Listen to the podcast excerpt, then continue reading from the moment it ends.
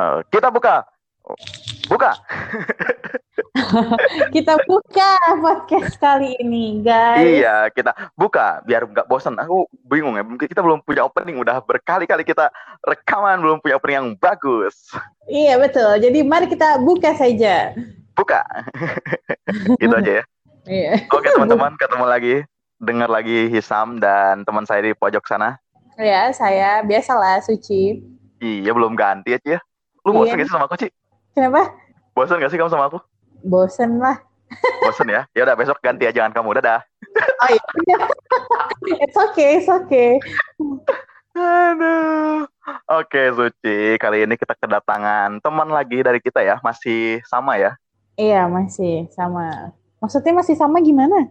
Ya masih sama, bro. Salix, Teknik Oh. Kimia UGM 2015. Oh iya, betul. Sama tapi ceritanya pasti berbeda dong. Kenapa berbeda, Ci? Karena dia ini, dia kerjanya nggak di field ketekiman banget. Enggak di field ketekiman banget. Hmm, apakah di field football? Apakah dia pemain bola? Mungkin iya, karena namanya cowok gimana nggak main bola ya kan? Kayaknya kalau komposisi kita sebenarnya banyak cowok loh, Ci, kalau rekaman. Emang, kenapa ya Syam? Kamu diskriminasi nih, aku nggak ada, ceweknya nggak ada yang mau ya? Hey, hey, hey. Saya tuh saya tuh tipikal cowok pemalu, Ci. Nggak, nggak enak kalau nge-DM cewek tuh. Idi, males banget. males banget, astaga. Gak usah Bener sosokan. loh. Aku tuh aku tuh nggak bisa gitu tiba-tiba nge-DM. Halo, hai. Ih, Jangan salah, aku jadi kayak cewek murahan dong, tiba-tiba nge-DM yang cowok-cowok. Hai, kamu, kamu kamu gimana kalau nge-DM sih? Kalau kamu mau ngawalnya gimana sih? Iya, kayak misalnya aku nih lagi menghubungi teman-teman bintang tamu kita yang cowok-cowok gitu, aku Hmm. pasti ini sosokan nanya-nanya gitu kayak, "Hai, Anyong." gitu. Apa ada orang di sana? gitu. Oh gitu ya. Eh, trik yang Mereka- bagus harus bisa dicoba, bisa dicoba. Mereka bales gitu, "Eh, Ci, apa kabar?" gitu. Kayak, "Eh, pasti tahu deh kenapa aku ngerusuh." Kayak gitu deh. Pokoknya intronya rusuh banget. Oke deh. Ini udah aku kirim juga. Kita langsung undang aja ya biar nggak berlama-lama. Benar. Dan pembicara kita kali ini tuh menurutku keren sih. Aku sempat cerita sama dia, dia dapat kerja bahkan sebelum penedaran. Mm-mm. Jago Waktu banget itu- ya dia. Mm-mm, Dia, dia tuh sibuk, kreatif orangnya ya. Mm-mm. Seru. eh sibuk, terus eh, karya terus dia berkarya gitu di sosial media. Mm-mm. Benar. Salah satu anak teknik yang menurutku punya jiwa seni yang tinggi, Mm-mm. berani dan pinter Benar. sih. Pinter yang ini. Iya, dia pernah juga jadi partner MC aku sih. Di mana? Sosokan kamu. Ih, astaga, pernah di acara ini. Waktu itu ada acara seminar buat eh, apa? Bintang tamunya tuh HRD gitu loh. Nah, kami berdua itu pernah dalam satu acara itu jadi MC. Gak paham, tapi oke lah. Kok aku nggak tahu sih? Aku nggak pernah ikut loh acara kayak gitu. Parah banget sih kamu. Kamu harus Kok tahu. parah? Ya, halo, gimana? Udah jelas? Ih, cantik. Suaranya mantep. Udah, cakep ya. Oke. Bisa kedengar suaraku kan, Pian? Iya, bisa, bisa kok. Jelas, jelas. Oke. Suci, Suci, coba cek dulu, Ci. Halo, Pian. Ya, halo Suci. Selamat malam. Selamat Biasanya malam. saya nge-MC, sekarang saya jadi bintang tamu ya. Ih, akhirnya, Vi. Setelah sekian lama kita sampai ke tahap bintang tamu juga, Vi. iya, biasanya nyariin MC, ngajarin MC kan. Iya benar. bintang tamunya. Iya, jadi yang biasanya ditanya-tanyain. iya, biasanya kita yang ngeguruin orang ya, Vi ya. Iya, biasanya kan ngajarin nanti kamu nanyanya ini ya, nanyanya ini ya. Hmm, bener. Nggak usah, nggak usah mikir saya. Kalian yang nanyain saya. Iya, betul dong. Mantap. Gimana? Nah, ini nih. Karaokean sama ayahnya udah kelar. Kenapa? Oh, Karaokean sudah.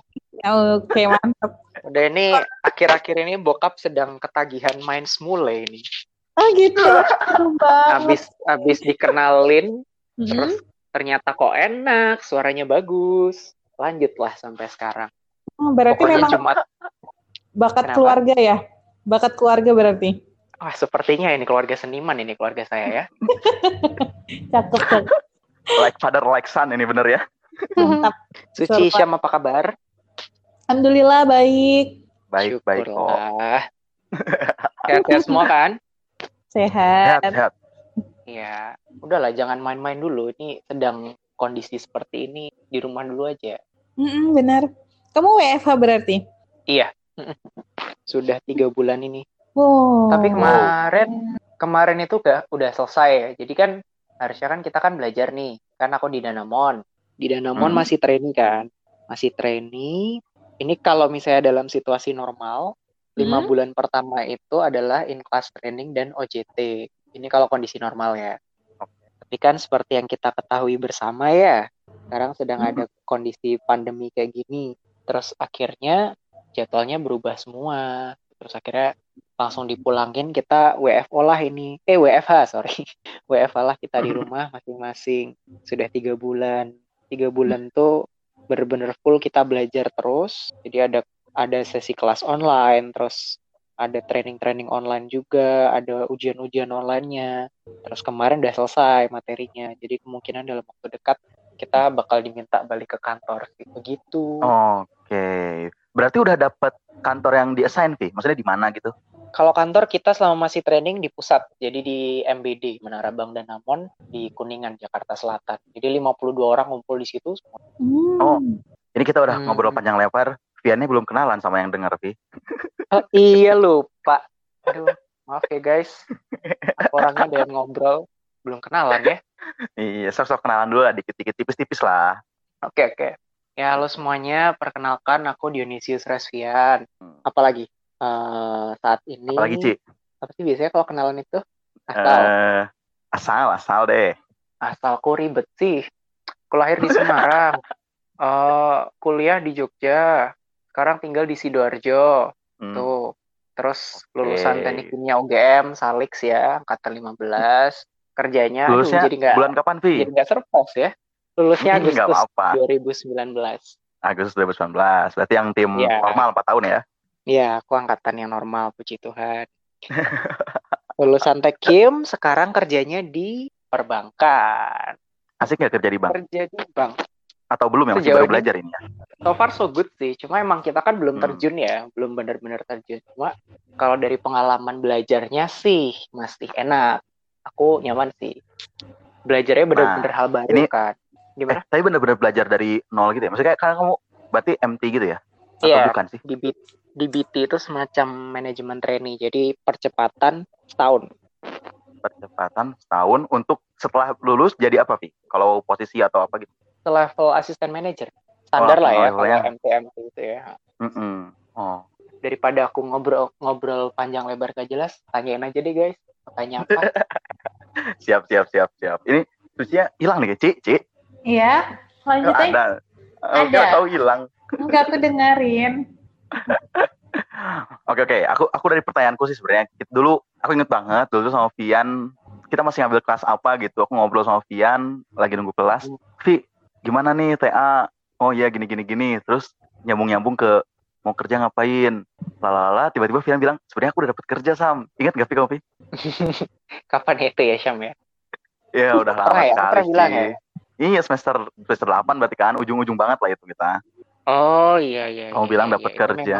Cepet banget sih. Iya kan? Itu itu kayak itu kok wah udah dapat kerja bahkan belum belum beredaran, belum belum itu masih jauh itu masih tetean kok setauku. Ingetku ya. Kalau mungkin di recall deh. Pian itu pertama berarti kan kerja nggak belum danamon dong kalau danamon tahun ini. Belum. belum belum. Mau cerita-cerita nggak Pi, dikit yang terkait yang kerjaan pertama kemarin? Boleh boleh. Eh, kerjaan kemarin, tapi aku nggak nggak sebut merek aja ya. Iya nggak usah lah. Di bidang apa gitu boleh lah. Kalau yang pekerjaan pertama itu masih agak relate sama basic sama backgroundnya. Jadi kan Hakim nih, aku pekerjaan pertama itu jadi sales, istilahnya sales engineer sih, tapi sebenarnya sales juga sama aja sebenarnya. Sales B2B di sebuah perusahaan distributor chemicals. Jadi di situ Oke. kita jualan ada general chemicals, ada specialty chemicals. General chemicals tuh ya kayak NaOH, HCl, asam basa gitu loh Mm-mm. standar itu general chemical atau GCM. Terus specialty chemicalsnya kita jual waktu itu sih ada untuk industri water treatment dan untuk industri food. Jadi membran, terus UV, terus eh, apa glukosa monohidrat kayak gitu kayak gitu loh. Itu specialty. Dan itu barang-barangnya berarti bukan produk sendiri atau itu produk sendiri?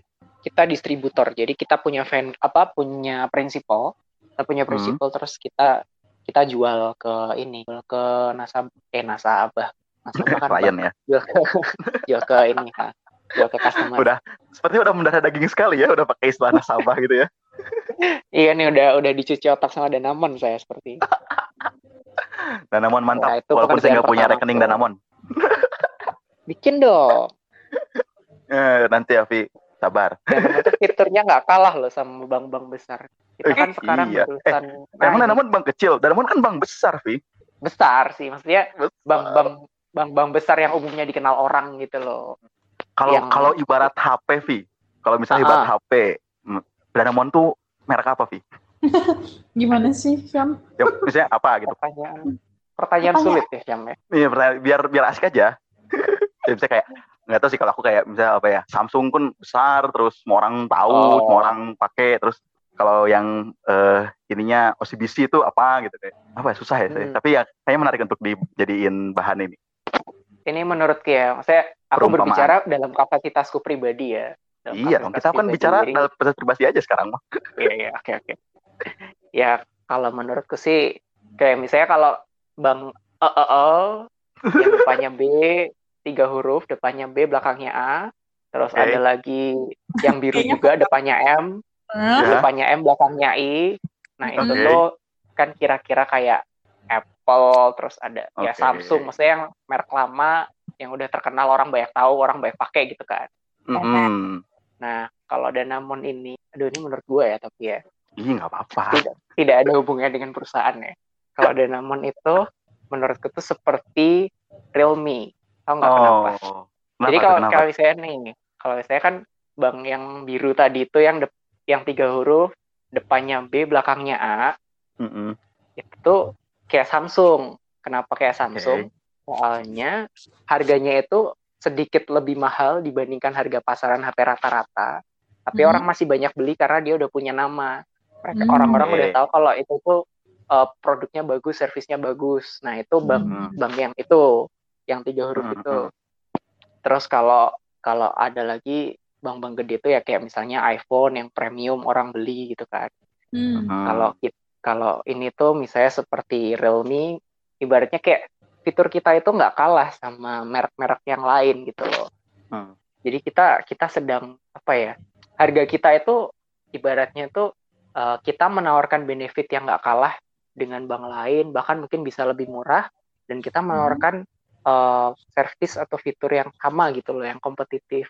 Kayak speknya itu sama, tapi kita lebih murah. Tapi maksudnya kita masih brand brand baru ngorbit gitu loh. Oh, emang udah dari kapan sih Danamon di Indonesia? Danamon udah lama sih. Kalau Danamon di Indonesia udah lama, cuma kan yang baru-baru ini kalau kamu ngikutin berita ya, tahun Mhm. lalu, baru setahun yang lalu itu kita habis diakuisisi, diakuisisi Oh. sama bank MUFG. Bank MUFG itu adalah eh, satu bank terbesar di Jepang. Ntar coba kamu cari aja di internet ya MUFG, M MUFG tulisannya. MUFG. Oh, MUFG itu sa- salah satu bank terbesar di Jepang. Itu mengakuisisi Bank Danamon. Nah, setelah diakuisisi, kan eh, kemudian eh, size-nya meningkat tuh. Size perusahaan jadi makin gede.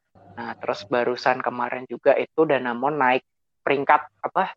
Naik level gitulah ibaratnya. Jadi kalau di bank itu kan ada yang namanya buku ya. Buku itu tingkatan dari bank umum kategori usaha. Oke. Bingung ya kalian ya? Gak apa gak apa. Biar aja. sering-sering aja buat yang mau dengar. Karena karena karena percaya nggak percaya banyak kok yang nanyain eh, anak-anak bank ke podcast ini. banyak loh Tekim ya nggak sih maksudnya bukan Banyak. cuma aku gitu loh Mas. ada beberapa juga yang teman-teman nyebrangnya juga ke, ke perbankan ingatku ya cutting juga nah. ada Berarti kita kita langsung kesan aja. Kira-kira kenapa banyak anak tekim yang ke bank? Kenapa bank nerima dan kenapa mereka terjun ke sana kira-kira? Apa yang dibutuhkan sebenarnya sama anak-anak perbankan sih? sebenarnya ya kalau kalau aku lihat di perbankan itu kan kalau untuk yang ini ya maksudnya kayak manajemen trainingnya itu Mm-mm. kayak misalnya apalah itu namanya MDP lah ODP lah kalau tempatku namanya DBT pokoknya yang program MT-MT itu mereka itu terbuka untuk semua major sebenarnya jadi sem- siapa pun backgroundnya siapa pun mereka apa pun backgroundnya itu s- bisa masuk ke situ gitu kalau kalau kenapa Teki masuk ke perbankan mungkin Apa, lebih ke preferensi tiap orang ya Berarti orang yang kayak gimana deh yang cocok menurut Pian? Yang udah ternyobain belajar dikit lah. Soalnya kan memang kalau di bank itu kan kemampuan analisa tuh pasti bakal dipakai kan. Kemampuan analisa bakal dipakai. Terus kalau kalau misalnya dalam kapasitas misalnya MT atau dan sejenisnya itu, itu kan kita akan banyak dilibatkan dalam project-project kan. Jadi Hmm. maksudnya Oke. kayak project management itu ilmunya itu bisa apa ya? Kita tetap harus belajar. Kita tetap harus belajar cuma karena di Tekim itu kan kita belajar terkait dengan apa ya? Terkait dengan proses gitu kan. Saya proses end to end. Jadi bukan materinya sih, bukan bukan materi Tekim bisa diaplikasikan di bank, tapi lebih kepada pola pikir kita itu sudah terbentuk gitu loh. Karena Hmm. kita kuliahnya di Tekim itu pola pikirnya kita itu Hmm. sudah terbentuk sedemikian rupa. Mm-mm. Jadi kalau masih kita masuk di perbankan itu kita akan lebih mudah belajarnya karena kita udah punya bekal mindset gitu loh. Nangkep gak? Atau terlalu susah? Ah, Bener, I see, I see, I see. Ngerti ngerti. Emang sih, semua orang semua orang gitu ya, Ci, ya. Maksudnya kayak beberapa yang udah kita eh, ajak ngobrol di sini terus semuanya bilang kayak ya emang yang kepakainya itu Logical um, thinkingnya. lo- logical thinkingnya, runtutan berpikir, urutan nyelesain masalah, yes, sistematika berpikir. Keren sih. Jadi Banyak. kayak misalnya terlepas terlepas dari apa ya? Terlepas dari kamu kerjanya di mana, Hmm? itu kalau misalnya kita itu sebagian besar memang yang kepake itu lebih ke arah soft skillnya mungkin hard skill tuh hanya 20-30% mungkin ya kecuali memang kamu terjunnya di industri yang benar-benar takim banget nih. Kayak misalnya di Pertamina atau di Rekin. Iya. atau Jelas lah. pokoknya yang sejenis-sejenis itu kan. Yang memang di plan bener-bener proses engineer nah itu takim banget tuh kepake. Tapi kalau misalnya kayak teman-teman yang dimasuk di FMCG gitu kan. Di FMCG kayak misalnya Nutrifood lah Hmm. eh, Unilever lah yang gede-gede itu kan L'Oreal itu mostly pasti akan belajar lagi dari awal dan yang banyak kepake justru di sisi soft skillnya kalau Nah, nah, ya nah, ini menarik nih untuk di langsung ditembak. Kalau soft skill, karena ini pertanyaan yang berulang ya, Sivi. Mm-mm. Kalau aku tahun terakhir lagi ngerjain tugas akhir di Tekim, UGM spesial, especially UGM gitu ya. eh soft skill apa sih sebenarnya harus aku pupuk untuk eh, aku bilang-bilang nanti kalau masuk kerja gitu. soft skill yang harus dipupuk. Yang maksudnya yang harus Saya untuk mempersiapkan dunia kerja gitu Mm-mm, ya. mm-mm, mm-mm, mm-mm. Menurut Vian apa yang paling penting? Kalau menurutku ya, yang pertama tuh paling penting tuh komunikasi sih. Maksudnya Hmm. sepintar eh, ini in my opinion ya. Jadi bisa benar bisa salah. Cuma sepintar apa pun eh, kemampuan kita, sejenius apa pun kita, kalau misalnya kita tidak bisa mengkomunikasikan ide kita dengan jelas, Hmm. itu percuma gitu loh. Karena ujung-ujungnya ide kita tidak akan tersampaikan. Iya, Hmm. betul. Tuh, jadi paling penting itu sebenarnya komunikasi. Jadi gimana sih ketika kamu punya ide, kamu punya gagasan, kamu bisa menyampaikan ke orang dan orang itu bisa paham apa yang kamu maksudkan gitu loh. Iya, Cakep, cakep, cakep. keren. Jadi Terus gimana eh, melatihnya, Vi? ngelatihnya? Mm-mm, kan komunikasi oke deh kita tahu bahwa komunikasi penting dia menjembatani ide dia jadi satu Hmm, penjembatan kan terus gimana kita ngelatih itu ini dalam konteks apa? Ada- Ketika kamu kuliah atau dalam konteks ketika umum lagi gitu? tugas-tugas lagi tugas-tugas akhir deh maksudnya kayak bayangin kita inget-inget piano waktu semester 7 semester 8 yang dalam kata-kata mereka sih kita waktunya banyak nih kosong apalagi sekarang lagi pada WFH gitu kan ya kerjain di Hmm. rumah bahkan katanya nih ceritanya kayaknya ngumpulin naskah pendadarannya nggak di print kayak kita gitu loh. Oh, yang 16 ya. Oh ya, gara-gara oh, ini kan. oh, gara-gara corona gini gitu misalnya mereka kayak nggak gitu terus Oh, apa nih yang harus dilakukan karena coba bayangin deh konteksnya mereka deh yang dengerin kemarin aku juga, eh, nggak kemarin sih hari ini aku dapet curhatan ada anak 16 DM gitu kan. Ya aku tanya-tanya gimana kalian TA-nya kondisi pandemi kayak gini. Terus dia tuh bilang kalau ya sekarang akhirnya kita submit. Jadi saat ini tuh mereka udah sampai ke T7. Nanti Mm-mm. deadline submit T7 itu kalau nggak salah ya itu bareng sama deadline naskah kan. Kalau sama Hmm. mereka dan itu udah online. Terus aku, eh, aku tanya berarti kalian nggak nggak yang tanda tangan kartu kontrol dan lain sebagainya itu yang kayak kita dulu kan. Kalau kita kan dulu Mm-mm. masih harus ngapus kan, ngumpulin print-printan, terus yang kartu kontrolnya itu harus ngikutin tanggal deadline-nya gitu kan. Mm-mm. Nah itu terus mereka udah nggak kayak gitu jadi semua online tapi ada ini sendiri maksudnya ada kesusahan tersendiri buat mereka karena jadi susah untuk kontakkan sama dosen gitu loh. Iyalah. Ya nggak sih ngalamin nggak sih kalau zaman zaman kita dulu kan ketika ngampus aja tuh nyari dosen susah banget kan. Susah. Hmm. Nah ini apalagi online gitu loh. Iya cuy, asli. Online itu karena kan nggak semua dosen tipe orang yang on terus ini kan, Mm, on terus di chat ataupun stay yang sosial media gitu loh. mm, mm, mm. Nah itu katanya mereka susahnya di situ sekarang. Jadi nyariin dosen itu. Terus tadi, oh ya sampai ke mana tadi? Nyambung ke Ya tadi Melatih ngelatih ilmu komunikasi, komunikasi. di semester semester akhir Tekim UGM, nah gitulah. Oh ya apa ya cara melatihnya ya? Itu Kalau aku experience gitu nggak sih harusnya, Vi? yang mana? Latihan Yang- komunikasi. Mm-mm. Apa kalau menurut Iya sih kamu? Kalau kalau yaudah aku mungkin cerita dari pengalamanku aja ya. Mm-mm, nah gitu kan enak. Kalau zamanku dulu, aku ini sih. Jadi jujur aja aku di awal itu tidak bukan bukan orang tipe orang yang kayak visioner kayak misalnya masuk Tekim terus kayak udah tahu oh aku mau ikut ini aku mau join ini itu dari awalnya tuh aku nggak ada pandangan sama sekali gitu loh. Hmm.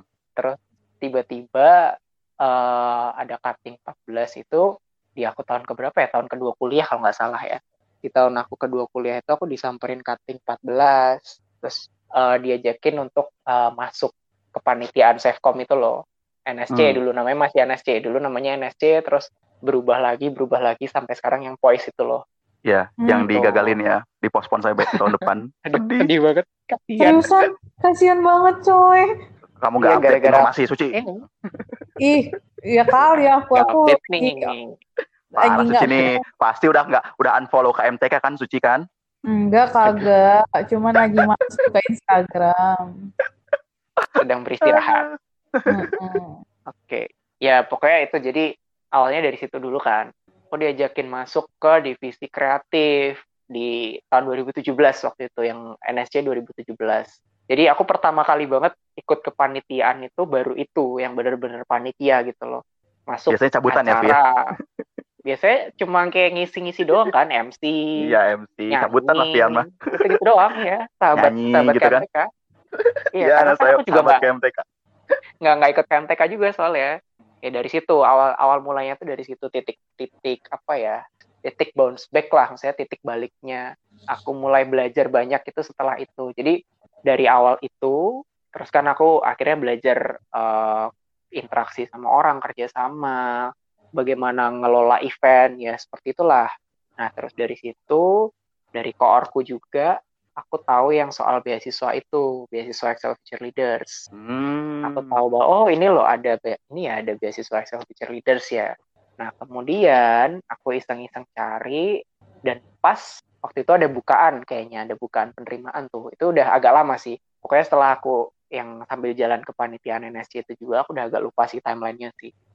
setelah itu pas nemu info XLFL itu mereka ada bukaan waktu itu aku batch 6 bukaan untuk XLFL batch 6 itu pure aku iseng-iseng doang jadi ya pengen cobalah Kesan. bukan bukan yang bukan yang kayak pingin banget ikut tuh enggak jadi pingin coba aku iseng daftar lah di situ aku daftar ikutin proses seleksinya kok kebetulan apa ya dilalah tuh bahasa Indonesia nya ya Ya itulah.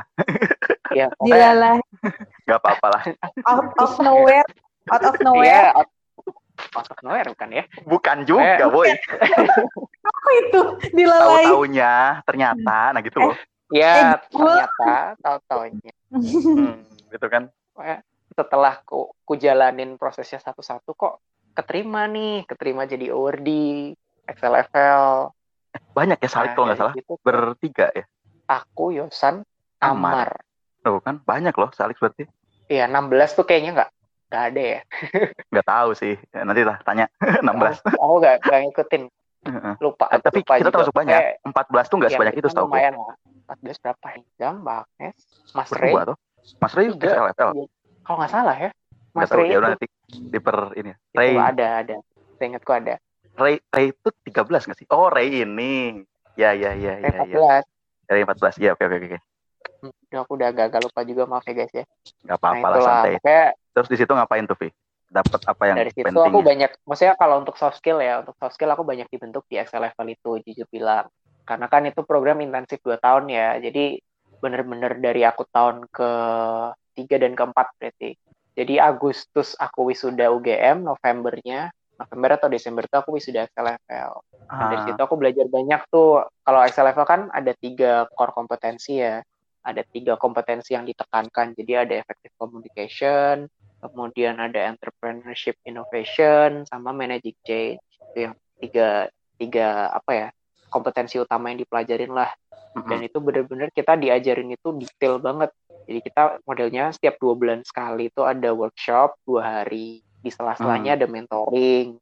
Terus materi-materinya juga bagus-bagus yang bener-bener kamu tuh nggak akan susah dapat kalau di luar itu gitu loh. Bukan bukan hal-hal yang dengan mudah bisa kamu temukan di internet. Jadi bener-bener yang kayak thinking tool, terus juga metode presentasi itu tuh kayak aku belajar banyak banget lah di situ lah. Emang keren sih. Emang aku juga salah satu salah satu ini apa salah satu penyesalanku adalah nggak nggak coba-cobain daftar kayak gituan sih di waktu kuliah tuh. banyak kok maksudnya terlepas dari aku anak SL level ya tapi di luar Hmm, hmm. level pun banyak program yang menawarkan Iya, seperti betul. itu Betul betul. Mm-mm, cakep. jadi emang ini sih setelah aku merasakan ke sekarang itu itu membantu banget ketika kita berkarir oh iya salah satu lagi yang penting itu tadi kan nyambung aku sambung sambungin aja ya tadi kan Hmm. Coba aja sambungin aku sambungin kok. tadi kan komunikasi ya penting Mm-mm. itu ya terus yang kedua penting itu adalah personal branding jadi gimana kamu membranding dirimu secara positif sehingga orang semakin tertarik untuk bekerja sama dengan kamu nah itu juga penting jadi Hmm. sampai situ dulu deh Poinnya tadi poinnya adalah kerjasama tadi ya berarti. Komunikasi dan personal branding. Mm. Iya. Personal brandingnya itu untuk bicarain bahwa gimana caranya orang tuh mau kerja sama sama kita gitu. Iya, mau kerja bareng sama kita. Kalau dalam konteks pekerjaan ya berarti orang mau merekrut kamu. Kalau dalam Hmm. konteks beasiswa berarti uh, orang mau menerima kamu sebagai salah satu penerima beasiswa kayak gitu sih. Nah, Itu juga ngomong-ngomong- soal personal branding nih ya. Kan salah satunya di CV kita tuh kan kadang kita introduce ya kayak summary gitu ya, objektif kita kenalin diri kita gitu kan. Itu kan salah satu Iya, personal branding tuh, Vi. Nah, kalau Mm-mm. dari kamu personal branding yang bagus tuh gimana gitu? Soalnya kan kadang eh, itu tuh jadi tolak ukur pertama saat CV kita dilihat menarik apa tidak ya nggak sih? Mm, mm. Nah, Bener, kalau Vian sarannya kira-kira ada nggak? Saya dengar-dengar juga nih, Vian tuh juga sering di ini ya ditanya-tanyain sama teman-teman ya terkait CV-CV dan teman-temannya itu. Ah, enggak. Enggak juga. Gak juga. kok. Semua orang kalau ditembak kayak gitu nggak akan mau jawab dong, Suci. Kita Iya. anak-anak UGM yang rendah hati dan tidak sombong. Enggak, tapi beneran. Kalau aku, aku nggak banyak kok. Iya, tapi minimal ada ya yang nanya soal itu ke Ya. Iya, nggak banyak 20 lah. Enggak lah, enggak siap. Enggak sampai.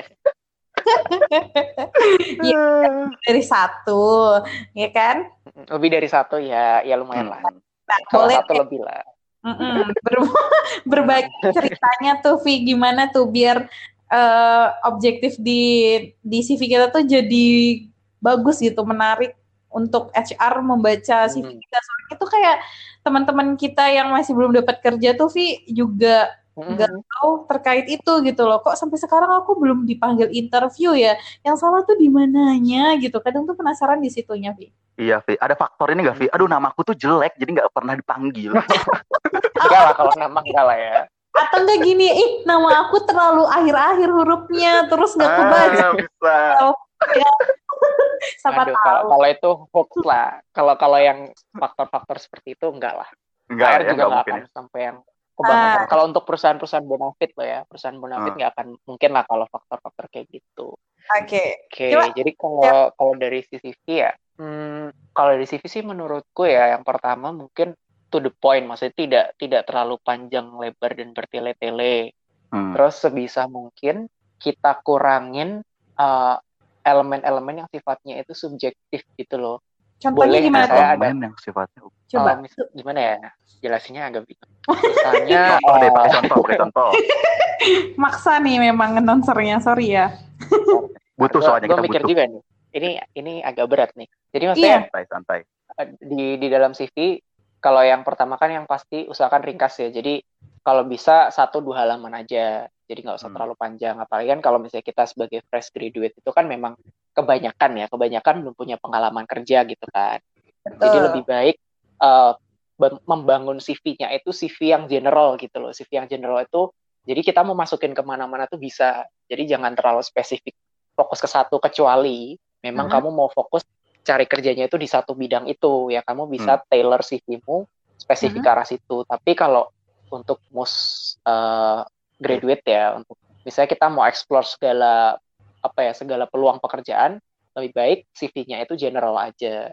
Nah, terus uh, contoh-contohnya tuh misalnya uh, kamu mau nulis nih misalnya seorang komunikator yang baik gitu. Hmm. Nah, kamu harus bisa uh, ngasih bobot di dalam kalimat apa di dalam kata-kata itu gitu loh. Jadi misalnya ketika kamu bilang bahwa dirimu adalah seorang komunikator yang baik, kamu harus hmm. bisa tunjukkan bukti-bukti pendukung bahwa yang menunjukkan bahwa oh kamu komunikator memang beneran komunikator yang baik nih. Misalnya hmm. kamu uh, jadi pernah uh, karena kemampuan komunikator yang baik membawa kamu untuk juara suatu lomba misalnya lomba hmm. public speaking kah, lomba pidato atau lomba presentasi apa gitu.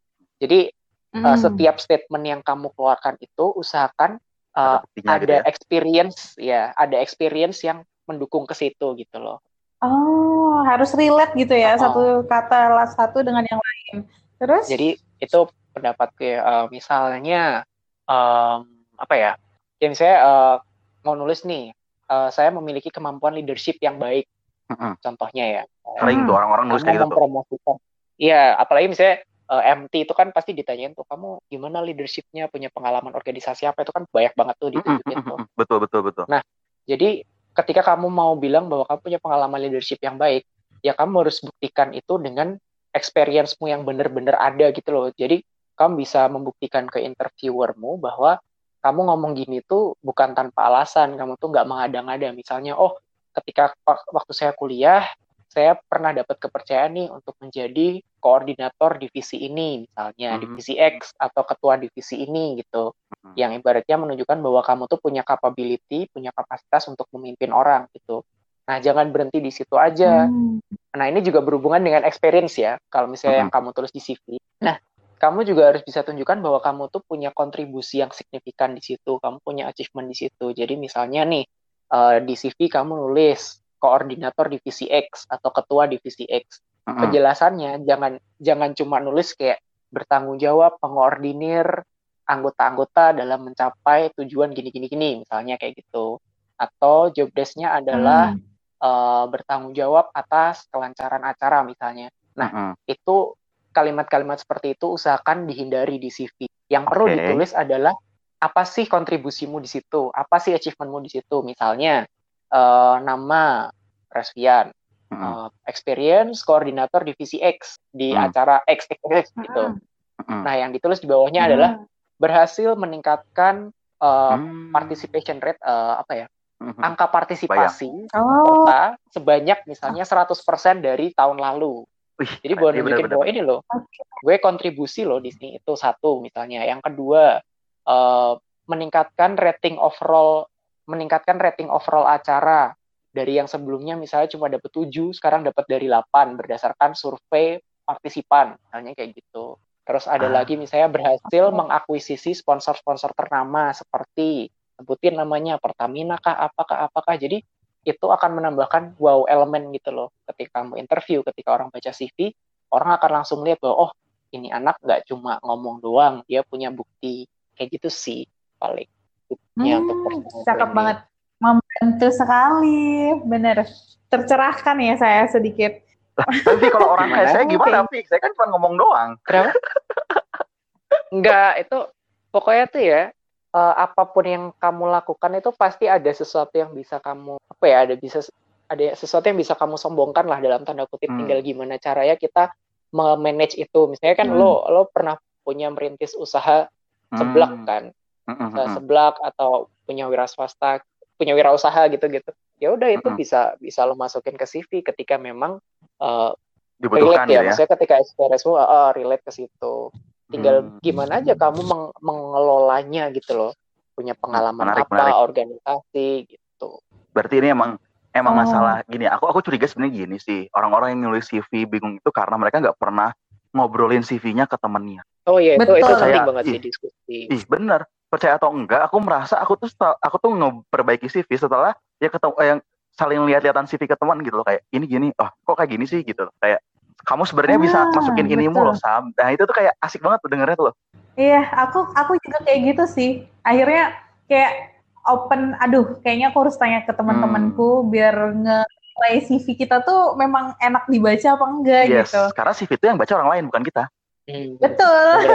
Betul banget. Dan dan ini ya ngasih ngasih lihat ke orangnya itu usahain temen yang ngelihat juga ngasih feedback ke kita. Jadinya kita juga bisa mengoreksi dan memperbaiki itu jadi lebih iya baik. dong kalau gitu. kamu ngasih terus dilihat doang sama dia itu namanya nyontek Iya kan, iya tahu kan who knows gitu kan.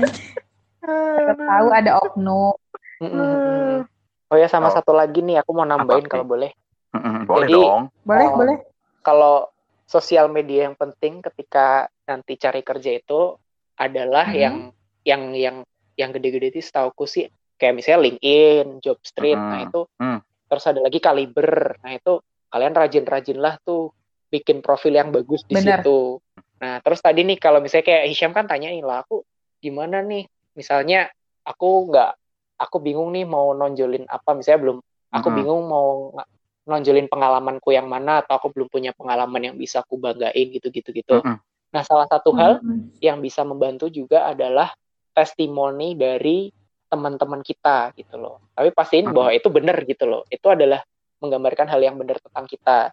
Kalau untuk med- sosmed yang lain aku nggak bisa ngomong karena aku nggak bikin ya. Cuma kalau di LinkedIn itu kan ada yang namanya fitur recommendations. nah Mhm. Tahu nggak? Fitur recommendations itu Iya. Adalah di mana kamu bisa ngasih testimoni soal orang tersebut, bagaimana sih performa dia, bagaimana sih kinerja dia secara profesional gitu loh. Hmm. Nah, itu juga menjadi Hmm. satu poin penting yang akan dilihat recruiter nih ketika nanti mereka ngefilter kandidat. Mm, Itu akan bisa Oh, itu membantu. di LinkedIn gitu ah, ya? itu LinkedIn ya. Kalau yang lain mungkin ada tapi mungkin formatnya berbeda atau gimana, tapi harusnya ada juga.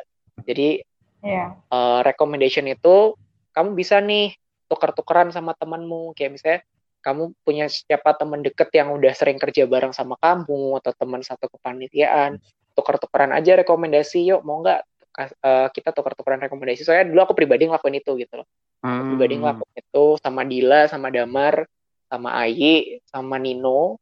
Ada lagi satu Hmm. temanku di Excel level kita tuker-tukeran rekomendasi. Nah di situ kamu bisa kasih testimoni. Misalnya oh selama bekerja dengan Hisham selama lebih dari empat tahun eh, saya mengetahui bahwa Hisham itu adalah pribadi yang sangat kooperatif mudah diajak komunikasi dan selalu mengerjakan tugasnya dengan sangat baik misalnya kayak gitu mm, mm, Nah, terus Hmm. kalau bisa juga kamu kasih testimoni. Ini juga berarti kamu ini ya kayak janjian sama temen yang kasih testimoni. Kalau bisa kasih testimoni itu yang detail. Jadi misalnya eh, aku pernah bekerja sama dengan Hisham dalam aktivitas apa gitu dan di, Hmm. di aktivitas itu ternyata performa dia adalah begini begini begini. Nah, itu nanti akan sangat penting tuh testimoni kayak testimoni testimoni kayak gitu akan sangat ngebantu branding kita. Jadi ibaratnya bahwa ini loh bukan bukan aku loh yang bilang kalau aku tuh orangnya begini-begini. Orang lain sudah memvalidasi atau mengkonfirmasi bahwa aku tuh punya kualitas begini-begini begini gitu. Itu juga Wow. bisa membantu salah satunya. menarik sih emang kayaknya penting sih untuk memanfaatkan fitur-fitur kayak gitu ya LinkedIn salah satu yang lagi hit maksudnya kayak semua sekarang bikin semua orang punya aku tuh mbak dapat undangan dari anak 16 tuh banyak Iya. banget minta Bener-bener. ini ya. Oke lah. Perlu diperhitungkan. Aku malas juga sebenarnya ngurusin. Ya itu masukan aja sih maksudnya akan membantu ketika kamu nanti memang mau terjun ke dunia profesional. Apalagi kan kondisi pandemi kayak sekarang ya pandemi sekarang job fair job fair yang offline gitu pasti sudah banyak banyak berkurang atau bahkan nggak nggak diadain lagi karena kondisi PSBB dan lain sebagainya pasti semua kan pindahnya ke digital Nah, betul. makanya penting banget untuk kita menjaga apa ya menjaga eksistensi kita di dunia digital Hmm. terus personal brandingnya juga harus kuat biar dari situ tuh nanti orang udah bisa siapa tahu satu dua pekerjaan nyantolnya dari situ gitu kan iya sih karena pengalamanku Iya. juga ini ini aku bersyukur sih maksudnya puji Tuhan kemarin aku dengerin podcastnya Dila juga kan dia curhat kalau dia tuh ketika cari kerja itu sampai apply di sampai 100 ya katanya ya 100 Hmm. lebih perusahaan gitu ya Mm-mm.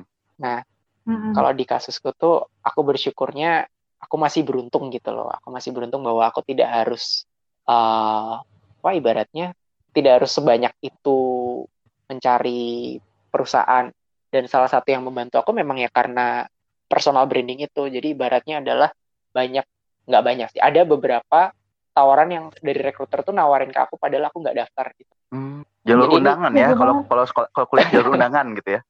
jadi ini sharing Gimana tuh ceritanya? sharing aja sih maksudnya Mm, mm, mm. ketika kalian punya personal branding yang bagus bahkan ketika kalian nggak nyari pun rekruter tuh akan nyari kalian ketika Dicari memang gitu ya. kualitas kalian eh, ketika kualitas kalian sebagus itu bisa loh gitu loh karena jujur aja kalau zamanku kemarin aku itu lebih ke bukan aku yang nyari kerja tapi aku milih gitu loh jadi ada Hmm. tawaran pekerjaan beberapa gitu terus aku pilih oh yang mana nih yang lebih cocok gitu jadi aku Wow. bersyukurnya di situ sih jadi bahwa banyak peluang terbuka ketika aku kemarin cari kerja memang tapi ya harus pintar-pintar milih jadi jangan sembarang peluang terus kita terima karena kan kita harus cek kredibilitasnya juga Hmm. tuh oh ya tadi Suci nanya apa sorry Suci Udah lupa Aku. dia kayaknya.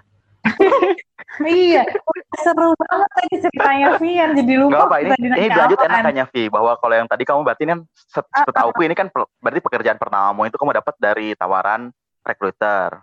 Iya pekerjaan pertama dan yang sekarang pun ditawarin duluan sebenarnya kalau Oh, boleh iya, jujur Itu gim- Coba Devi, Nah. kamu kok bisa sampai ditawari kayak gitu tuh pada mulanya kamu kenalannya sama rekruter gitu apa Hmm. gimana sih?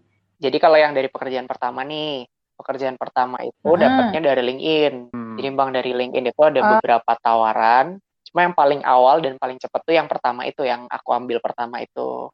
Nah itu jadi karena memang kan ya itulah aku udah bikin profilku kan dari zaman kuliah tuh udah karena aku ikut Excel level juga diajarin cara bikin profil di LinkedIn. Jadi aku kayak ibaratnya bisa tahu duluan lah, bisa tahu duluan. Hmm, benar. Aku sambil Restart ya. ya ya gampangnya gitulah simple ya. Jadi Hmm. udah sambil poles-poles profil dan ternyata recruiter itu ada yang notice gitu loh Hmm. ada yang notice Wow. terus dari situ ditawarin kerja prosesnya kok cepet jadi belum belum wisuda tuh mereka tuh udah ini dulu udah kasih oke gitu loh bahwa oh ya kamu kalau mau kita udah terima kamu gitu loh di pekerjaan pertama itu kan Hmm. jadi itu semua proses rekrutmennya online terus eh, aku pun oke waktu itu ya udah jadi ibaratnya itu sudah dapat duluan lah di saat di saat apa ya di saat masih kuliah itu sudah ada ibaratnya udah udah ada pegangan kerjaan lah waktu itu. Nah tapi memang yang pekerjaan pertama ini itu ku akui aku itu kayak terburu-buru gitu loh. Kayak ibaratnya waktu itu Hmm. mindsetku adalah ya udahlah yang penting nggak nganggur gitu loh. Selesai lulus nggak nganggur udah ada kerjaan sambil Hmm. belajar juga. Toh kan aku mikirnya kayak gitu kan tapi ternyata di pekerjaan pertama setelah dijalanin eh aku merasa lingkungannya tuh nggak nyaman buatku gitu loh. Oke. ada ketidakcocokan di situ. Jadi ini mungkin masukan juga buat teman-teman yang cari kerja nanti. Mm-mm. eh, tetap harus apa ya tetap harus memperhatikan perusahaannya gitu loh. Apakah mereka kredibel? Apakah eh, apa culture-nya itu nyaman atau cocok buat kita gitu loh. Jadi Hmm. apa ya ini tergantung sih setiap orang mungkin pandangannya beda-beda ya. Tapi kalau buat aku kecocokan culture itu kenyamanan bekerja itu sal- salah satu hal yang penting gitu loh. Karena ketika ketika nanti di dunia kerja kayak misalnya kayak aku kemarin itu kayak kerja baru sebentar terus cabut itu kalau diulang-ulang itu nggak Ya. bagus juga. Karena orang-orang rekruter pasti akan bertanya ini orang kenapa kok portofolionya kerjanya pindah-pindah? Cuma berapa bulan pindah berapa bulan pindah? Jadi ketika daftar kerja itu pastikan bahwa kalian juga nyaman atau cocok lah memang nggak ada kerjaan yang gampang cuma at least culture-nya itu kalian bisa terima kalian bisa tolerate gitu loh harus pintar-pintar memilih pekerjaan mana yang cocok tuh jangan jangan ulangi kesalahanku yang yang mana duluan asal diterima itu juga bukan bukan solusi yang pas gitu loh itu yang pekerjaan Ah. pertama ya tadi Oke. aduh panjang ya gue Oke. kalau ngomong Nggak Sorry, apa, santai nanti bisa diedit kok. Jadinya tambah Iya Vi, biar kita juga tambah pengalaman juga. Soalnya kita kita kan juga pada ini ya statusnya kan job seeker ya Vi. Kayak cerita-ceritamu tuh bahkan sangat menginspirasi kami untuk oh ternyata kayak gitu ya gitu loh. Mm-mm. Tapi bosan nggak kan banyak. Enggak lah, enggak kalian enggak kan kok. udah banyak bertemu dengan bintang-bintang tamu yang lebih mantap pasti mereka juga ceritanya Eh, kurang lebih sama dong Enggak. Nah, Enggak siaran dong. ulang doang aku Enggak beda. Jadi setiap orang itu kita punya core pembicaraan yang beda-beda, Vi. Jadi Hmm. dia eh, pasti pasti kalau orang baru pasti core pembicaraannya baru lagi gitu. Iya, bahkan jadi, kita coba sebisa mungkin mem, inilah mem- mensegmenkan ini orang nanti ngobrolin apa deh sama ini gitu loh, Vi. Nggak nggak asal random kamu kerja apa dibahas dari situ nggak. Oke. Enggak, betul. Eh, Vi, berarti eh, mungkin lanjutin Mhm. yang tadi ya terkait kerja Boleh. pertama ini. Itu kau itu berapa lama, Vi, bertahan di situ? 3 sampai 4 bulan salah. Aku masuk Oh. awal September. Lumayan. Aku masuk awal September, terus aku resign pertengahan Desember. Nah, ngomongin yang ini juga sebenarnya aku ini ketika aku resign dari pekerjaan pertama aku itu aku mengambil sebuah leap of faith. Kalian tahu istilah leap of faith ya? Lompatan No. kayak Assassin's Creed ya? Ah iya bener kayak Assassin's Creed. Jadi kayak ibaratnya ya udah nekat aja aku terjun karena waktu itu bener-bener aku tuh belum dapat kerjaan, belum daftar-daftar karena Oh. karena kerjaan yang lama tuh padat sibuk banget. Aku nggak sempet untuk mikirin cari kerjaan gitu loh. Jadi kayak ibaratnya ya udah aku nekat, aku resign duluan. Bener-bener Oh. nggak tahu bakal dapat kerjaan di mana, bakal kerja apa itu. Ya udah dengan modal nekat doang aku bener-bener keluar gitu loh. Wow, berarti Kerjaan. belum dapat Hmm. tawaran dari yang lain udah kau kamu udah resign gitu, Vi.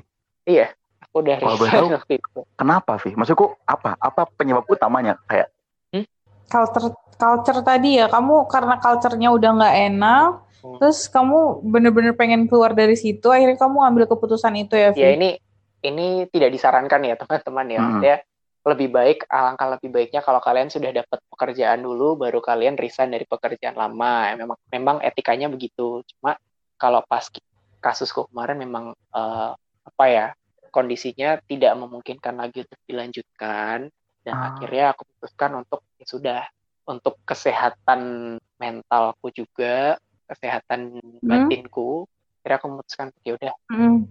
aku nekat yang resign dan cari cari lagi Mm. Gitu. tapi yang di kerjaan lama itu Vi Hmm. bukan manajemen trainee kan berarti kamu kayak Bukan. langsung masuk ke divisi gitu ya Iya, sales. oh, oh Kerjaan langsung lapangan. langsung dicemplungin aja oh oke Gak, gak maksudku nggak di sana itu pas di kerjaan lamamu Hmm.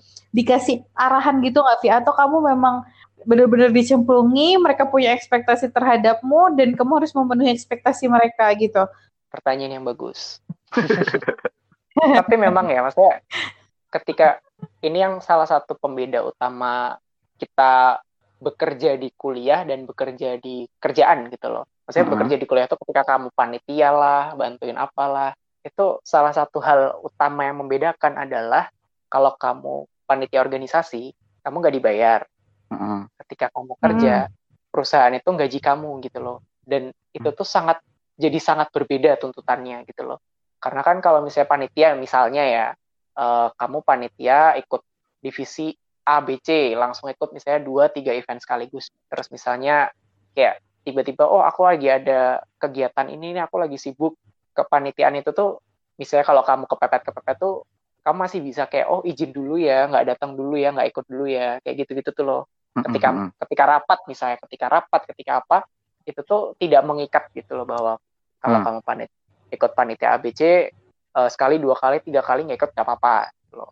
Ya kadang mungkin dimarahin koormu tapi ya udah gitu loh. Maksudnya cuma sebatas itu gitu. Ketika kamu kerja karena kamu dibayar oleh perusahaan otomatis mau nggak mau kamu harus bisa kerja gitu loh.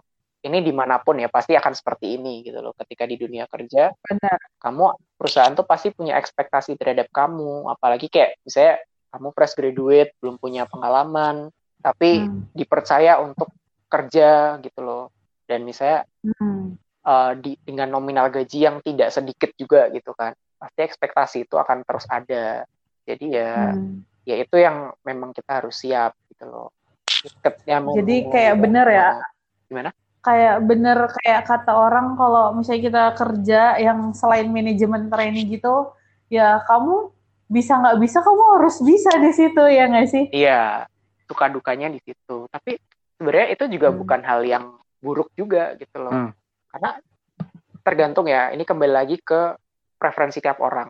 Ada juga Hmm. orang yang nggak suka pekerjaan manajemen trainee karena kayak aduh males aku harus belajar gini gini gini karena kan banyak banget yang dipelajarin kalau misalnya rata-rata program manajemen trainee ya. Ah, Hmm. itu banyak banget Iya. yang harus dipelajarin dan harus bisa semua. Kalau manajemen training itu biasanya lebih ke arah generalis, kecuali memang MT-nya khusus kayak kamu langsung diterjunin di produksi kah, MT untuk produksi, MT untuk ini tuh Hmm. mungkin akan lebih spesifik belajarnya. Tapi kalau kalau kayak di tempatku MT di bank itu kita dilatih untuk jadi generalis. Tapi ada orang yang nggak suka kayak gitu.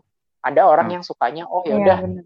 Tadi kan eh, pertanyaannya adalah eh, berarti kalau misalnya kita kerja di tempat itu kan eh, harus bisa segala apa pun. Terus tadi Vian juga jelasin soal eh, manajemen training itu dia kan general. Sementara kalau kita masuk ke staff divisi itu kan udah satu field aja yang kita pelajari gitu loh. Nah, tadi penjelasannya Vian sampai situ kalau nggak oh salah. iya oke. Preferensi orang Hmm, jadi beda gitu intinya. aku berusaha untuk uh, mengambil perspektif netral gitu ya. Jadi biar nggak bias. Maksudnya kayak preferensi orang tuh bisa beda-beda. Ada orang yang sukanya ya udah aku ketika aku kerja pinginnya langsung terjun ke sini. Kayak dia udah tahu apa yang mau dia kerjakan. Nah itu akan lebih Hmm. cocok mungkin dengan tipe-tipe pekerjaan yang langsung spesifik. langsung misalnya kamu apa apa suka- gitu ya Oh, kamu suka pekerjaan yang dinamis misalnya, suka pekerjaan yang dinamis, suka berpacu dengan target, ya masuklah di sales gitu loh. Nggak Hmm. salah juga gitu. Nah, kalau Iya. dalam kasusku kemarin adalah aku tuh masih belum ada gambaran nih sih, sebenarnya belum ada gambaran bahwa oh pekerjaan ini tuh begini toh. Oh, pekerjaan ini Hmm. begini gitu loh. Dulu tuh jujur aja aku malah Hmm. sempet punya apa ya, ibaratnya kayak punya ketakutan sendiri gitu loh kayak misalnya aduh kayak kerjaan MT MT itu sanggup nggak ya?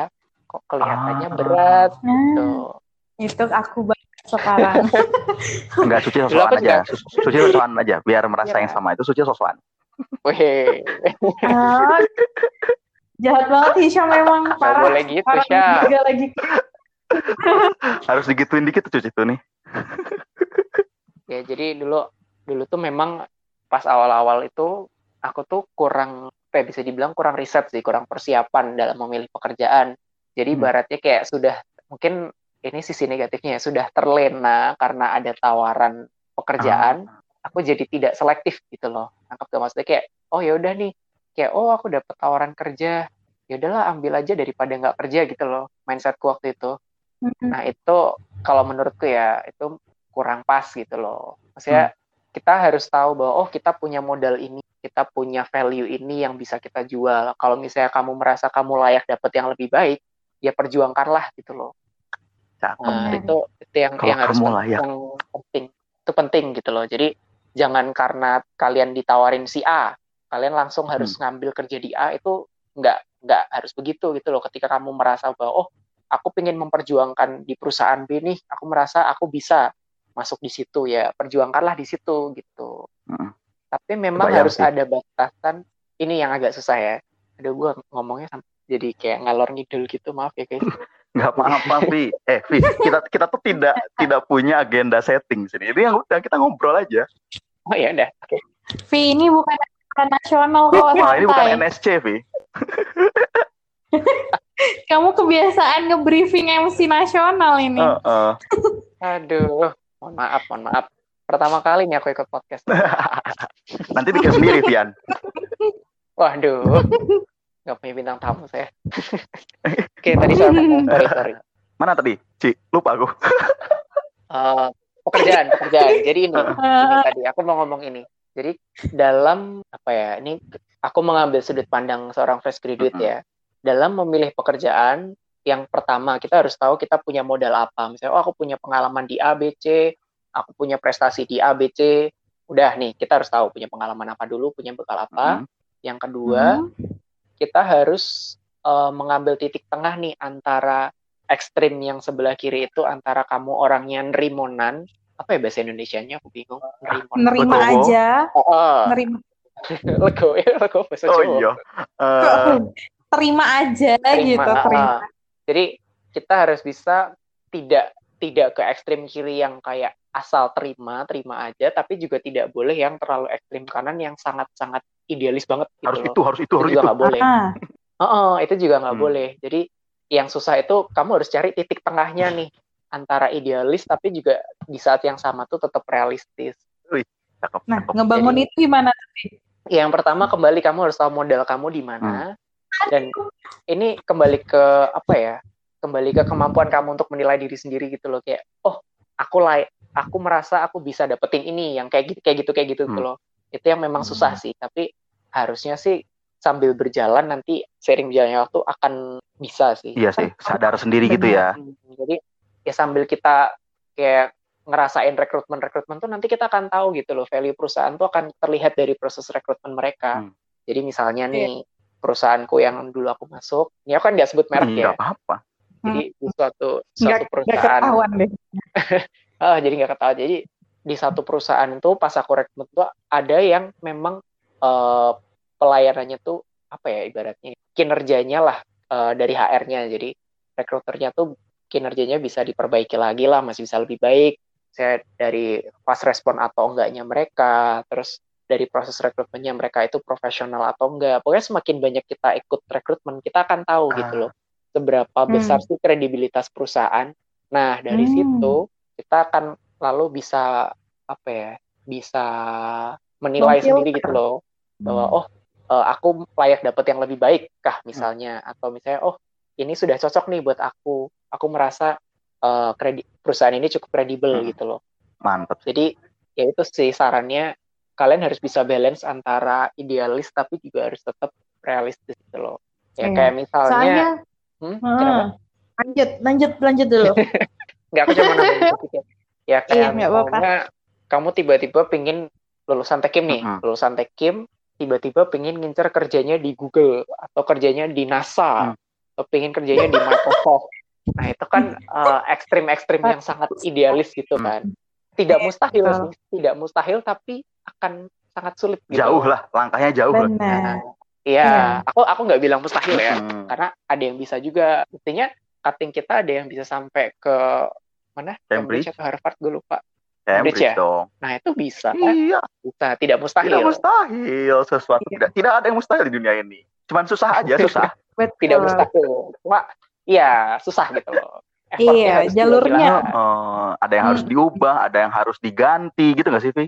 Benar. Ada Iya, yang benar. harus Pokoknya pasti ada Oh, nah, pengorbanan. ada yang harus dikorbanin. Jadi jangan jangan nganggap ah, nah, yang yang satu kayak gini, kamu pengen tetap kayak gini aja, tapi terus kamu pengen dapet yang lain itu susah, nggak bisa itu. Ya, ya, itu sih. Pokoknya pesan apa ya? Saranku seperti itu, gitu. Iya, buat yang buat yang dengerin Iya. sampai detik ini, Vian udah banyak ngasih panjang-panjang banget tentang kerja, mulai dari Tips and kerja, trick. mulai dari eh ya tadi ya, kerja, milih kerja, pindah kerja, Skill set, set. CV juga. Jadi emang udah tebal sih. Ini kayaknya termasuk salah satu episode kita yang banyak infonya di sini. Tapi. Vi, kita punya kita punya pertanyaan in- wajib Vi Hmm. uh, untuk setiap Heeh. yang datang. Soalnya gini, kan kita tuh namanya nama podcastnya Katalis. Nah, pengen tahu dong di hidupnya Vian ada nggak sih orang yang kayak Katalis? Sempet ngasih banyak, sempet berproses bareng. Tapi sekarang saat ini nih nggak kontakan atau berpisah gitu, ada nggak Vi? Ada, ada. Ini maksudnya dalam konteks teman angkatan atau bebas siapa pun. Siapa pun lah, sebut boleh sebut nama, boleh sebut nggak usah nama gitu, boleh bebas lah. Gimana Vian menjelaskannya? Siapa ya? Bingung gue. Pertanyaan bagus. Kalau buat aku sih, yang pertama sih mungkin yang banyak berperan Hmm. ya, yang banyak berperan di masa-masa kritik kritisku, masa-masa TA, TPPK, KP, aku merasa terbantu banget sama Mas Damar Ganteng. Wah itu luar biasa sih. Udah Dan- pernah udah Iya, damar belum tayang doang, Vi. Udah Belum ya? ada rekamannya, sabar. Oh mantap, luar biasa memang. Ya itu sih kalau kalau salah satu yang apa ya buat aku tuh berperan penting Mm. Sampai aku bisa lulus sekarang itu ya Damar ini karena jujur aja dia banyak membantuku soal hal-hal yang bersifat sangat teknis dan sangat expert tekim gitu loh. Asli sih. Karena ya aku aku akui bahwa kalau aku kemampuan apa ya aku nggak bilang kemampuan akademisku jelek-jelek banget Hmm. ya cuma eh, aku belajarnya tuh butuh waktu gitu loh aku belajarnya butuh waktu dan damar itu banyak membantu aku mempercepat proses belajar itu gitu loh Iya sih. jadi aku sangat berterima kasih kalau damar mendengar ini terima kasih damar atas segala bantuanmu suka dukanya selama Aduh, TPPK udah kayak melo bertahun aja. saya Anjir. Ya itu Eh, tapi percaya nggak percaya, sebenarnya nggak cuma Vian yang terbantu, sangat banyak loh yang terbantu sama Damar tuh.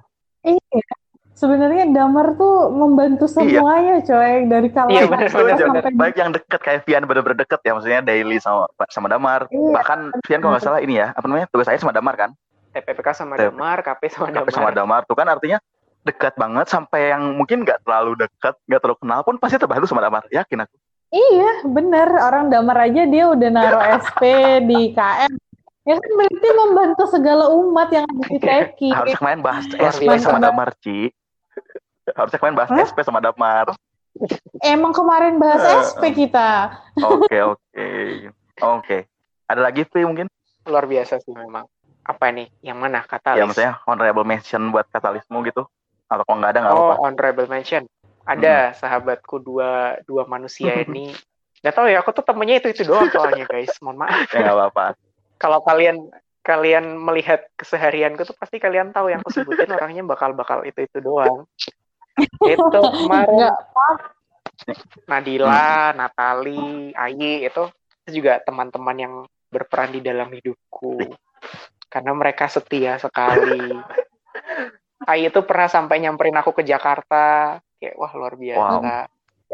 Oke, sangat mereka ini tuh bener-bener ini sih apa ya? konca kental. Iya konsol kental baik banget lah sama aku. Kayak aduh, aku merasa tidak layak gitu loh. Baik banget. Uh, Aduh, kamu mengadopsi budaya Jogja deh. kenapa? ya kayak gitu. Merasa tidak pantas padahal pantas. Enggak juga. terus pasti ya kalau bicara kayak gitu ini udah ini sekali sentimental sekali ini pembicaraan Oh, Oke, terus ada pertanyaan kedua Vi untuk yang wajibnya. Kalau kamu Mm-mm. sekarang pengen denger cerita siapa di podcast ini dari anak Salix yang kau penasaran gitu. Sekarang gimana sih kisah dia sekarang gitu? Siapa yang belum Hmm, ya? ya. Yosan udah belum? Yosan belum. Nah, boleh tuh Yosan tuh. Kenapa? Dia struggle-nya luar biasa. Kenapa? Kenapa Vi? Sneak peek, Kalau sneak peek dikit lah. aku- Nah, gitu. Ini cemiwu Uh-uh. ya, correct, correct me if I'm Iya, wrong betul. ya. Ntar silahkan dikonfirmasi ke Nah, orang betul betul gimana gimana gimana. Tapi aku dari yang aku tahu dia itu struggle untuk di pekerjaan dia yang sekarang itu luar biasa, bener-bener kayak jatuh bangun banget gitu Hmm. loh. Kalau boleh tahu di mana, Yosan? Kalau nggak salah di Gunung Sewu ya, Betul betul. Hmm. Gunung Sewu Group. Nah itu untuk mendapatkan itu kalian coba deh dikulik-kulik lah nanti kalau mau kalau ini podcast sama dia tanya-tanyain tuh. Sepertinya menarik aku juga pengen tahu. Oke. Karena Hmm. kalau kalau gue lihat ya, eh gue, aduh ke bawah. Eh, Kalau ke Jakarta. Eh nggak apa-apa. Latihan. Suci tuh mau ke Jakarta juga. Oh iya, Eh aku aku dari kemarin ngomongnya Oh. lu gua lu gua gitu kadang mantap. Kok mantep sih? santai Ini. aja. Habis itu kita langsung dibrontak sama geng di Jakarta. Saya dari yang gue lihat itu, kalau di kampus ya, mungkin kalian juga notice Hmm. ya, Yosan tuh kayak hidupnya tidak pernah tenang dan Iya, bener ayem-ayem gitu nggak sih? Setiap kali tuh dia sibuk aja gitu loh. Iya sih. Emang dia tuh aneh banget. Aku coba tuh ditanyain kenapa sih emang apa yang membuat dia itu sa- selalu sibuk di dalam hidup gitu loh? Apakah mungkin itu passionnya dia? Coba tuh nanti buat ditanyain. Coba gue melihat tuh. Coba aku Dia melihat bahwa dia tuh. Iya kan? Kita tahu kita tahu Yosan lah. sampai lari-lari gitu Oh, kan. Masuk kelas. Uh, uh, aku ngelihatnya kasihan juga. Aduh. Iya, betul. Menarik. Oke, oke, oke, nanti kita coba kontak Yosan deh. Nah, Coba ditanyain eh, kisah hidupnya tuh menarik tuh. Perjuangan-perjuangan dia. Yosan, Yosan tuh terkenal di mana-mana tahu. Temen aku yang FIB aja kenal Eh, Gimana Yosan nggak gitu terkenal. Iya, tuh, Ci? terkenal juga Dia tuh dia. perwakilan masa berprestasi teknik, coy. Iya, maksud aku keren banget gitu ya Allah. Bangga sekali. Oke, Yosan kalau kamu denger, ayo, ayo, ayo Yosan, hey. Tapi tapi sibuk gak sih video Vi? Curiga aku nggak ngebuka Oh, podcast oh, sih sibuk karena sih dia sibuk mah. juga. Oh iya ada. Oh iya, sorry sorry. Gak apa-apa. Hilang. Oke, sip, sip. Ci, ada lagi Ci mungkin? Ya, Gimana? Udah sih itu Hmm, aja. kayak kalau dari kita gitu aja. Kamu ada mau ada pesan Hmm. mungkin? Soalnya ini yang dengar kira-kira anak 16, 17 gitu. Apa ya pesannya ya? Penutup-penutup gitu apa? Hmm, kalau aku sih melihatnya masa-masa ini itu adalah masa-masa yang berat ya, khususnya untuk angkatan 16 karena kan ketika masa-masa gentingnya mereka juga Hmm. lagi skripsi, lagi penel gitu kan. Mm-mm.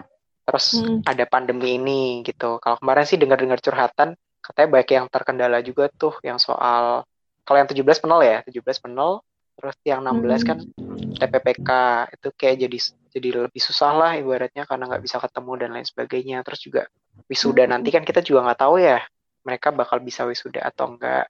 Dan yang yang Hmm. menurutku akan menjadi tantangan nggak cuma angkatan 16 sih ya.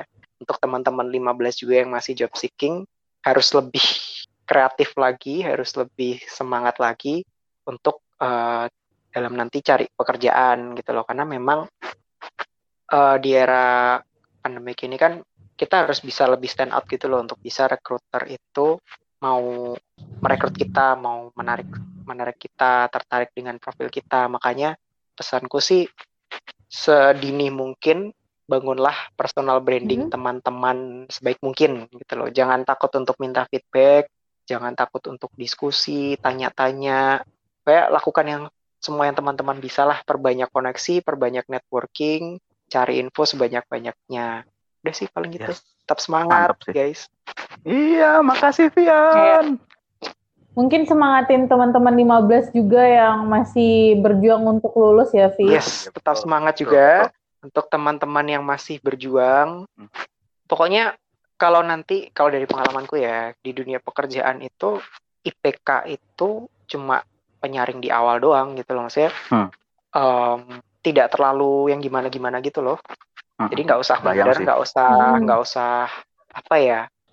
Selama masa studi itu mereka nggak nggak akan terlalu lihat gitu loh. Yang mereka lihat adalah bagaimana sih kualitas kita sebagai seorang pribadi gitu loh. Your quality as a person itu yang mereka lebih lihat.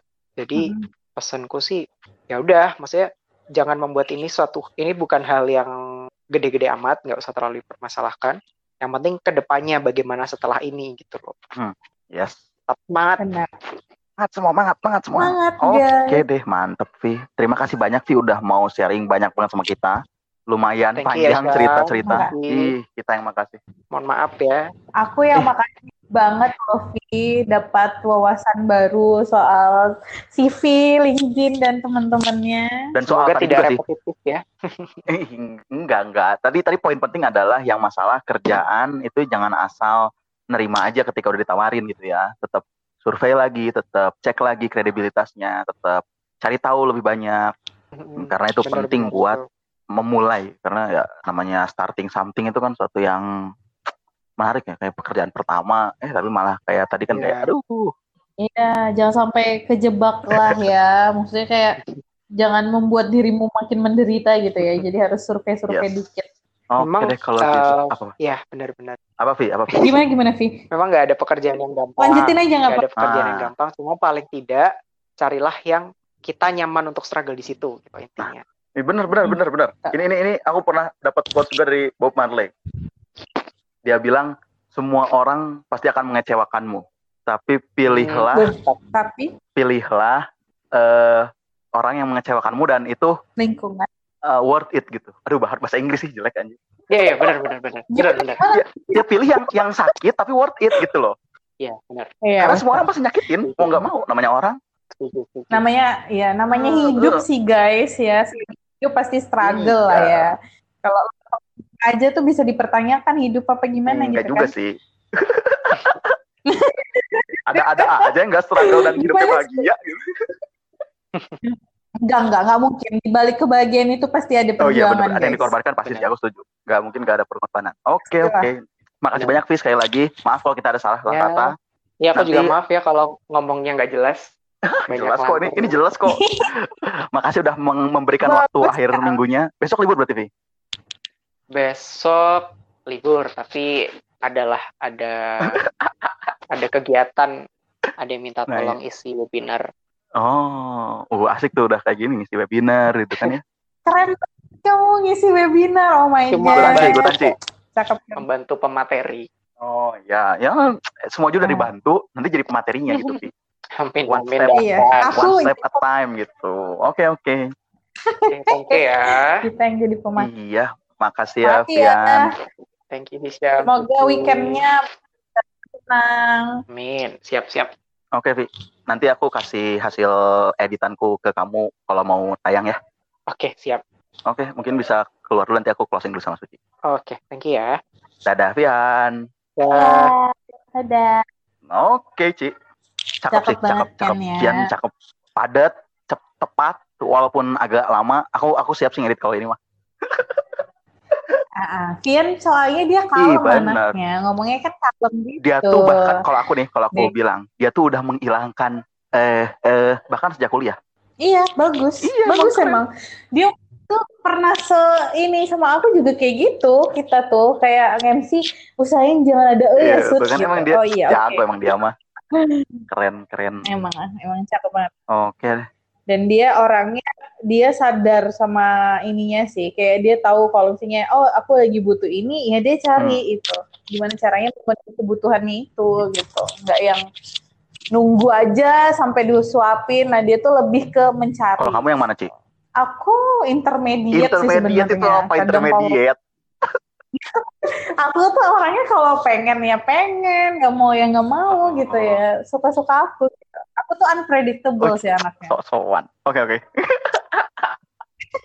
kayak aku kayak aku men, men- ini kan kamu terus ya. Aku meng, apa namanya? mengkerdilkan kamu terus dari beberapa episode terakhir ini ya. Iya, itu ketahuan orang kalau iri begitu pemirsa. Aku emang punya achievement yang begitu banyak sampai kamu iri, Iya. Syam. Iya Parah kan kalau Syam. achievementmu nggak akan nggak banyak nggak akan aku jadiin ini partner. Kurang ajar emang. Aku tuh untung aja anaknya tuh sabar.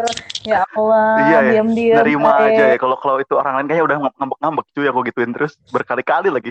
Oh, aku nahan nih Syam karena kita mau siaran, tak tahan aja. Kamu belum tahu aku Oh, aslinya oke oke gimana siap kan. siap.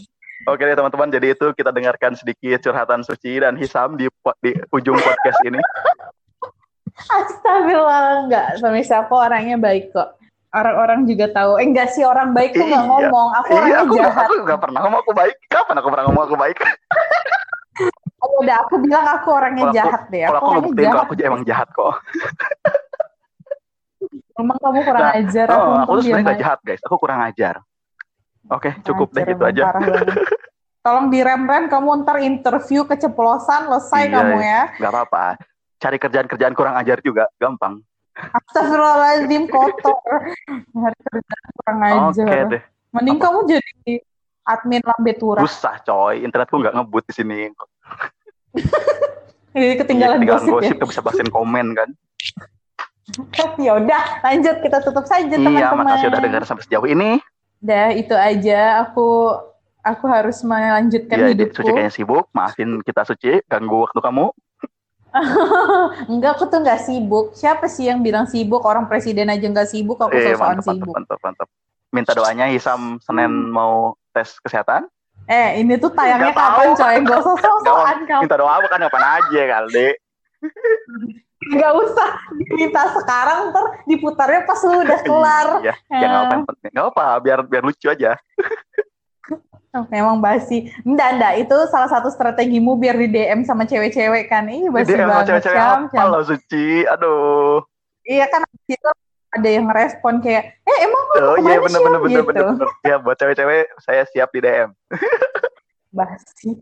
Astagfirullahaladzim, kenapa temanku begitu Oke ya deh kalau gitu makasih udah dengerin. Chemical Engineering.